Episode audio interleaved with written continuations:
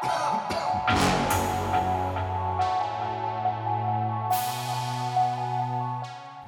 posle.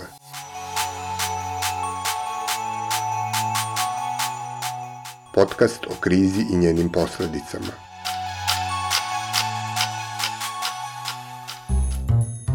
Ovo je 54. epizoda Dana posle, specijalnog podcasta koji se bavi društvenim i političkim posledicama pandemije koronavirusa kod nas i u svetu. Danas je u Beogradu sahranjen Ljubisav Đokić, poznatiji kao Joe Bagerista, jedan od najupečatljivijih učesnika demonstracija 5. oktobra 2000. godine. Nadimak je stekao tako što se tog dana, kroz metke i policijske kordone, na svom bageru probio do ulaza u zgradu RTS-a. Nedugo pre smrti, novinari su ga zatekli i intervjuisali na protestu ispred Skupštine Srbije, gde im je rekao da je došao da pomogne mladom narodu da sruše ove zlotvore, dodajući da su svi oni isti, da li se zvali radikali, SNS, SPS ili DS. Njegova pojava, kao i upad građana u parlamentu prvoj noći demonstracija, navela je na neizbježna poređenja ovih najnovijih antirežimskih protesta s rušenjem Slobodana Miloševića. Na prvi pogled nema velike razlike. Na jednoj strani je autokratska vlast, koja svoje pozicije brani naoružanim policajcima, a na drugoj nezadovoljnici sa svih krila političkog spektra, čiji je zajednički imenitelj rešenost da više ne trpe postojeće stanje. Čak je i mesto izražavanja nezadovoljstva isto, plato ispred Narodne skupštine. Građane u begu pred pendricima i suzavcem i kamenice koje lete ka skupštinskim vratima gledali smo i početkom prethodne nedelje i pre 20 godina. Ali da li je to dovoljno za paralelu između današnjice i događaja od 5. oktobra 2000. O tome da li su ovi protesti novi 5. oktobar, šta je neophodno da bi neki protesti to postali, kao i o političkoj situaciji tada i sada, razgovarali smo sa sociološkinjom Vesnom Pešić. Dan posle. Ovih dana se pred Skupštinom dešavalo nešto slično u nekim elementima kao i 20 godina ranije 5. oktobra 2000. godine, kada je takođe masa nezadovoljnog naroda upala u Skupštinu. I još jedna stvar koja povezuje ta dva događaja, 5. oktobar 2000. i 7. jul 2020. je i prisustvo Joe Bageriste. Kako je situaciju Joe Bageriste zatekao nekad i sad? Ko je jurišao na Skupštinu i zašto? Ja bih prvo se osvrnula na samog Joa Bageristu, a koji je tu, čini mi se, gotovo pre tri dana, dao jednu izjavu za novine, da ima 76 godina, da je živeo veoma siromašno, da je sad još uvek, eto, živi i tako, da, ovaj, i od dana sada se se malo zaista i rastužila.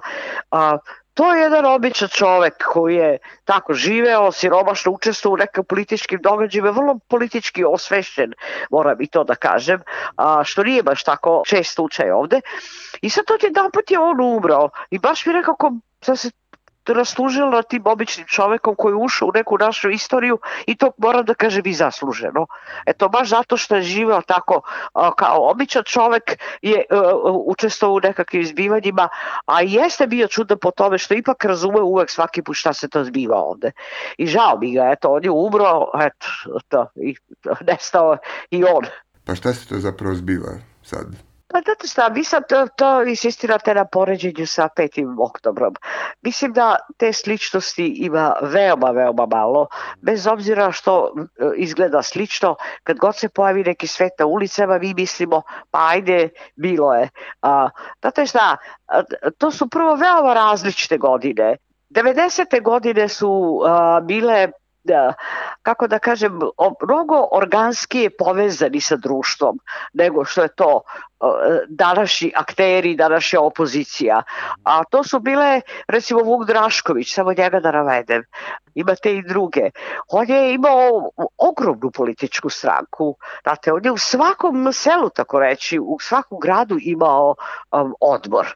A Pa nije moglo da bude miting, znate, da su ga zvali kralj trgova. On je mogao svaki put da napuni čitav trg. Ajde mi kažete ko sad od političara može da stane da napuni trg, da povede nekoga negde. Ko je taj koji će sad da vikne juriš? Mnogo. Nekoga možda da ga voli ili ne voli, neko možda ne voli taj epski stil njegov, ili... ali Vuk je bio lider. Mi nema danas ni jednog takvog lidera, neko ko stane pred masu, koji može da vodi, koji može da kaže. Mi imamo stranke koji su ili juče osnovane, recimo Narodna stranka Vuka Jeremića, ko je sad, dobro, došao čovek iz Njujorka, uzeo osnovo stranku. Onda imamo Đilasovu stranku koja je osnovana, ja ne znam da li ima godinu dana da je tu, tu stranku napravio. A, znači, imamo jako mnogo tako nekakvih strančica, imamo lažnih stranaka koje je režim ostavao, recimo novim izborima. A, imamo neke desničarske grupe, tu postoje ogromna konfuzija, a tada su postojale prilično jake političke stranke. Mi smo stalno menjali sa Miloševićem izborni sistem i to uopšte nije bilo nikakvih problema i to se zvao okrugli sto vlasti i opozicije. Znači nije bila prekinuta potpuno ta veza.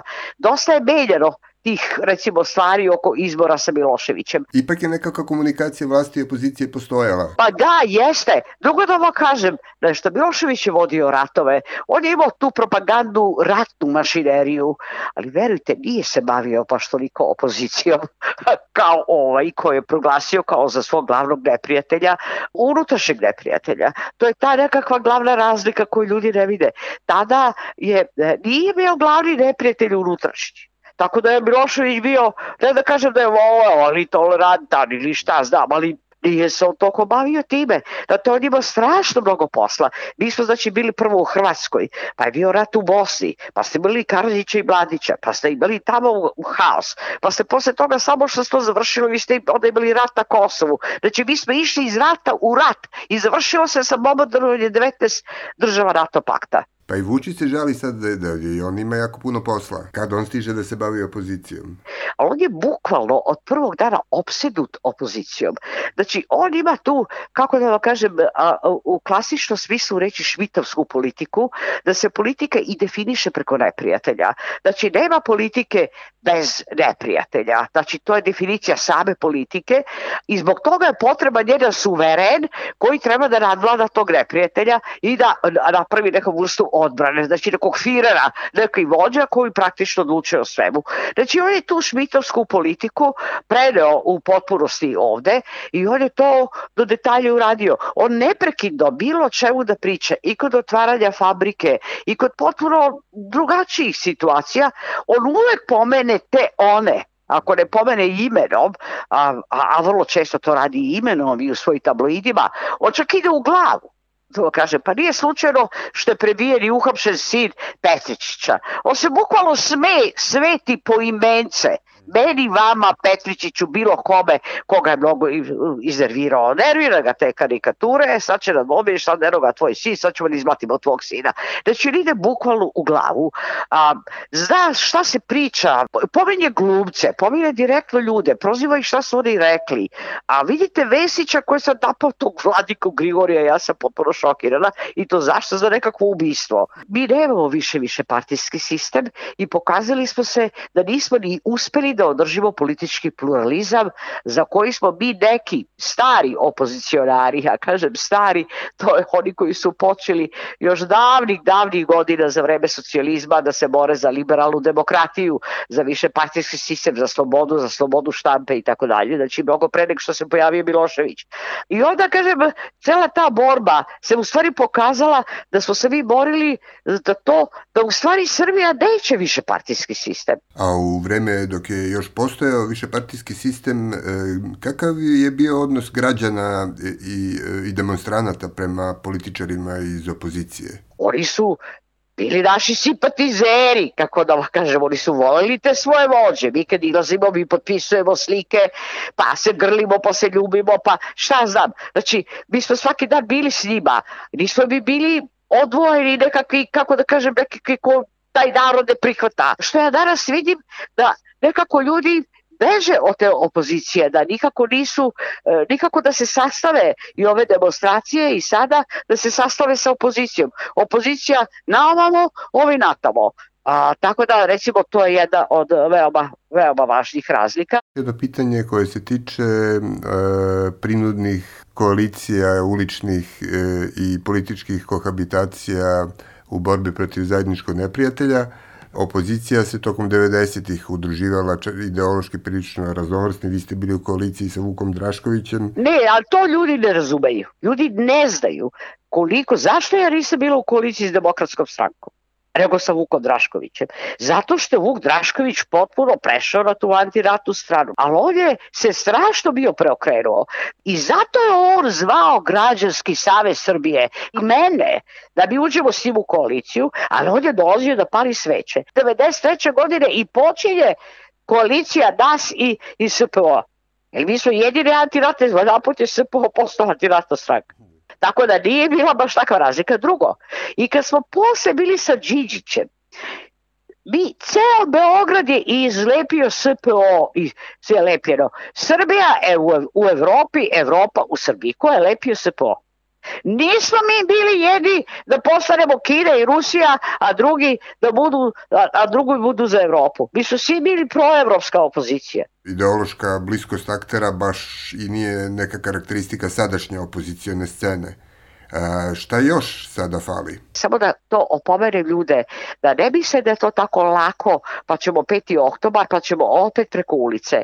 To mora strašno mnogo zvezdi da se složi, da to uspe. Ja mogu da vam citiram čak Zorana Đinjića, pošto smo često joj bili zajedno.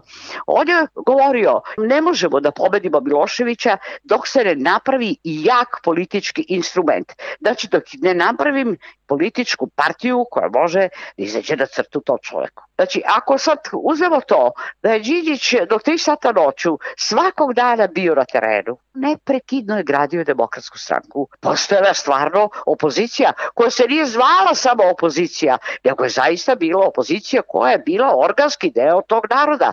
Znači, jednostavno smo bili predstavnici tog naroda. Dama su se tada složile zvezde uh, toliko zato što smo mi imali neverovatnu međunarodnu podršku.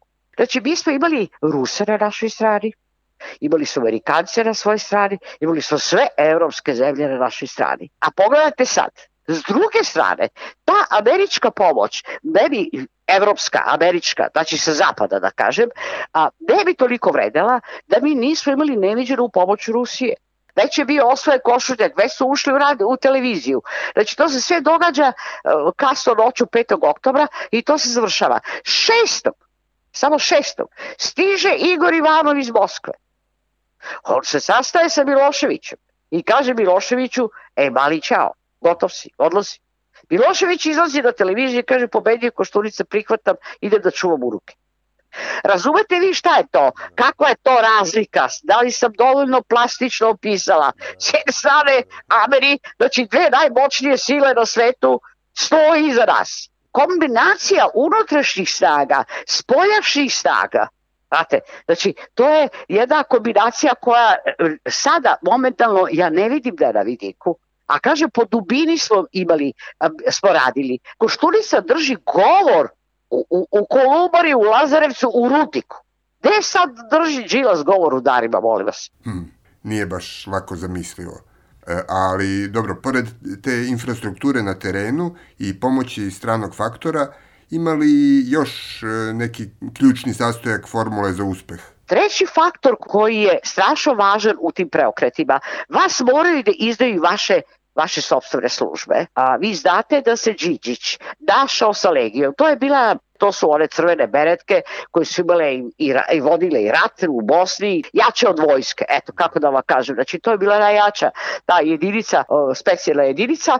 Điđić je morao da bi sprečio da ta jedinica ne puca na te građane, on se našao sa Legijom i Legija je u stvari po tom, kako da vam kažem, po predanju vam pričam, on je rekao Zoranu Đinjiću, ako dovedete pola miliona ljudi, mi nećemo pucati. Ako ne uspete da izvedete građane, možda ćemo i pucati. To je, zbog toga je bilo strašno važno da se organizuje taj generalni štrajk, da dođe i Joe, da se vratimo i na njega, stizali su iz cele Srbije da bi mi napunili, da bi mi to napunili, da bi to izgledalo, kako da kažem, strašno impresivno da imamo pola miliona ljudi. Znači, mi smo morali da orga... i to da odradimo. Znači, ne da su neki došli, nego su morali da izađu, stvarno su svi morali da izađemo. U svakom slučaju, znači, Legija je obećao da neće pucati, prošao je Hamerom, ja sam ga vidjela.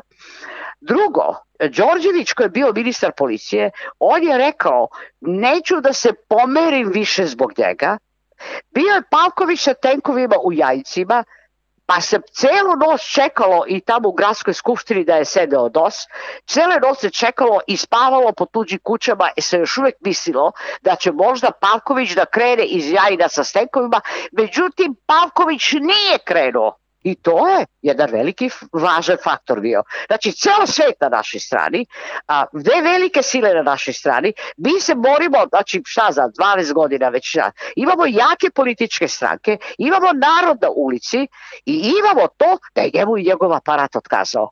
Svatate? Znači, sve to treba da se složi pa da onda to uspe. Postoji mišljenje da je sad u ovom nekakvom kao post-opozicijalnom vremenu, kad e, je došlo do, do potpunog rasula opozicije i kad taj neki opozicijono orijentisani deo stanovništva nema koga da ga predstavlja, da je u tom vremenu jedino što je ljudima preostalo zapravo da, da sami stupe u direktan dijalog sa vlašću i kad vlast nešto želi da uradi što se njima ne sviđa, da ljudi prosto izađu ko što su sad izašli na ulicu pred skupštinu i da kažu šta žele, šta ne žele i da je to trenutno jedini e, oblik e, društvenog dijaloga trenutno. Kako vama to sad izgleda? Tu je bilo nekoliko stvari. Ne samo što ljudi nisu hteli sada da budu ponovo zatvoreni, nego samo da vam kažem, oni nisu hteli da, oni su izgubili poverenje, to je ono što je bilo glavno, jer ipak je nekako stiglo, bar do tog nekog dela e, tih gradova, stiglo je da je tu bilo nekakve prevare. Znate, mi smo vrlo disciplinovano, stvarno da čak su i procentima, ako se sećate, davali, da smo, kad je bio policijski čas, 97%, možda neki ludak, ima i ludaka, brate moj, pa izađe na ulicu, ali uglavnom je to potpuno poštovano. Znači, kad je policijski čas, nigde niko žive duše nije bilo. E, mi smo izdržali sve to i onda je on bio doveo to do raspuštanja kao da se ništa nije desilo, nema više pandemije, pobe, on je izdržao kao pobednik, pobedio sam koronu pred te svoje drljave izbore i htela da progura te izbore po svaku cenu, a onda je Birn otkrio da su oni nas lagali.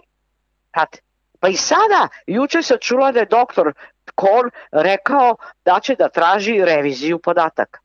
I mislim da je to bila ta kapisla kombinacija jasnog laganja i odjedan put sad ćete ponovo u aps. Ljudi su rekli pa čekaj, e, nećemo. E, nećeš da si igraš s nama. Znači to je bila nekakva kapisa, ali tu nije niko održao nikakav govor. Tu niko nije ništa izrazio, a onda se meni činilo da je Vučić dosta preuzeo režije tamo onoga što se dešavalo. A tu su se pojavile se i jazete kakvih grupa i, i, i, i huligana i, i njihove tajne policije, preomučene policije. On je to potpuno pretvorio u jednu strašnu represiju, ja ne mogu više da razovem, tukli su ljude potpuno bez veze, stojimo ovako, evo da, ja sam se pravo da vam kažem i bojala, ja u mojim godinama ne mogu da potrčim. Zašto je baš sad posegnuo za, za tolikom silom? Osam godina je bio miran i dobroćudan, pušta sve ove šetnje 1,5 miliona da se dešavaju i sad odjednom udario. Da li vi verujete da za mene to jedini problem? Evo, ja bih napisala nešto za Pešarik i neku analizu, ali ja stvarno ne znam zašto. Znate, zašto je to uradio? Ali ovo, ovo, sa pedrećenje ljudi koji su koji stoje mirno, pa onda kad je neko leži na podu, pa, pa mislim, potpuno strašno, ja sam zapanjena ovaj, jako, jako sam dobila one čuvene batine 21. februara 97. godine kod Mosta. Ne mogu da, ja ne mogu da pronađem zašto je bila potrebna tolika represija. To, to je, mislim, stvarno ne, ne shvatim da je 150 ljudi u zatvorima. Čekajte, pa to je, mislim, stvarno neshvatljivo. Ja se ne sećam da smo bili 150 nas u zatvorima. Za vreme svih tih 90. godina da je strpao 150 ljudi ovaj Milošević u zatvor. Jok. E, znači, to je ogromna brojka. I to su kazne po 60 dana, po 30 dana. Ti vi šta je 30 dana? Za vreme socijalizma to bi bili kažnjeni 30 dana, 25 dana, šta znam. Ali, ali 20 dana, 60 dana su ljude po, po, pohapsili. Ja ne znam, evo, da, ja ne, ne znam zašto se on odlučio na toliku represiju.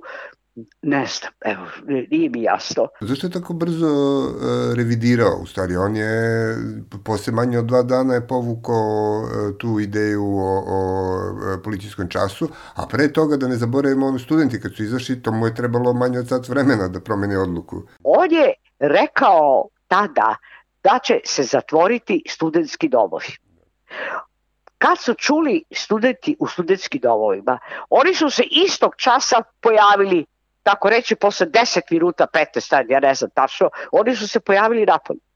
On je istog časa povukao, tad je prvi put doneta ovo što pitate, blic odluka, da odmah odustane od toga da se zatvore studentski domovi. Poslao Šarčevića i mogu studenti da ostanu. E, ovo je po drugi put to uradio. Znate, on je odmah povukao tu odluku, čim su ovi izašli ulicu, on je povukao tu odluku oko karantina e, preko vikenda. E, ali je Reza posle toga uzvratio prosto e, neshvatljivom, neshvatljivom represijom, evo, neshvatljivom. Ali čovek, onoliki suzavac, pa, ste po, pa to se nije video uopšte od suzavca. Znači, taj suzavac ogroman, ja sam bila potpuno kosterirana. Zašto je ta reakcija? Zašto se to dogodilo? Eto, evo, da ja nemam odgovor na to. I kako će biti sudbina drugog 7. E, julskog ustanka u Srbiji? Ne znam kako će to da izgleda dalje, da li će on morati brzo ili pod nekim pritiskom iz inostranstva, da li će onda morati da ipak ubrzo raspiše ponovo nekakve izbore, ali ti izbori ne mogu da se raspišu ponovo, da budu ovakvi kako sad, on mora, da vam kažem nešto, ja bi, mi smo imali uvek nekakav konkretan cilj, Znate, mi smo za neki određen cilj imali koji smo, recimo kad su bile demonstracije 88 dana, mi smo čekali da on prizna, tražili smo da se vrate pokradeni izbori, koji su bili dokazani i na kraju smo dokazali pred Međunarodnom komisijom koja je pregledala sve materijale, Milošević je to priznao, sazvao skupštinu i lex specialisom vratio pokradene izbore. Znači, jer mi smo se svakog dana i narod se oko svakog dana okupljao tri meseca zato što smo imali konkretan cilj. Nismo mi sad sad mislili da ćemo možda srušimo Miloševića. Ne možete da održite demonstracije građana bez jasne političke artikulacije. Ovde nema političke artikulacije. Znate, jedan viće Kosovo, drugi tamo neke drže neku molitvu, treći ne znam viće ovo, četvrti ne znam ono, neki stoje sa strane, a nemate političku opoziciju koja predstavlja, nemate političku artikulaciju ovih događaja. A nemate ni cilj. Šta je? Da, pa dobro, mi svi znamo da je cilj da on ode. Pa dobro, ali kako ćemo to? Znate, misli, sad ste vam ja malo pričala kako je to izgledalo da, du, dugoročno. U Novom Sadu je bilo, kako da kažem, mnogo organizovanije, mnogo bolje, mnogo političkije nego što je bilo u Beogradu. Ali ovde niko nije uzeo mikrofon. Tako da, ne znam, eto, ovo što se dogodilo je ostalo malo tako u meni, bar, meni konfuzno u glavi, eto.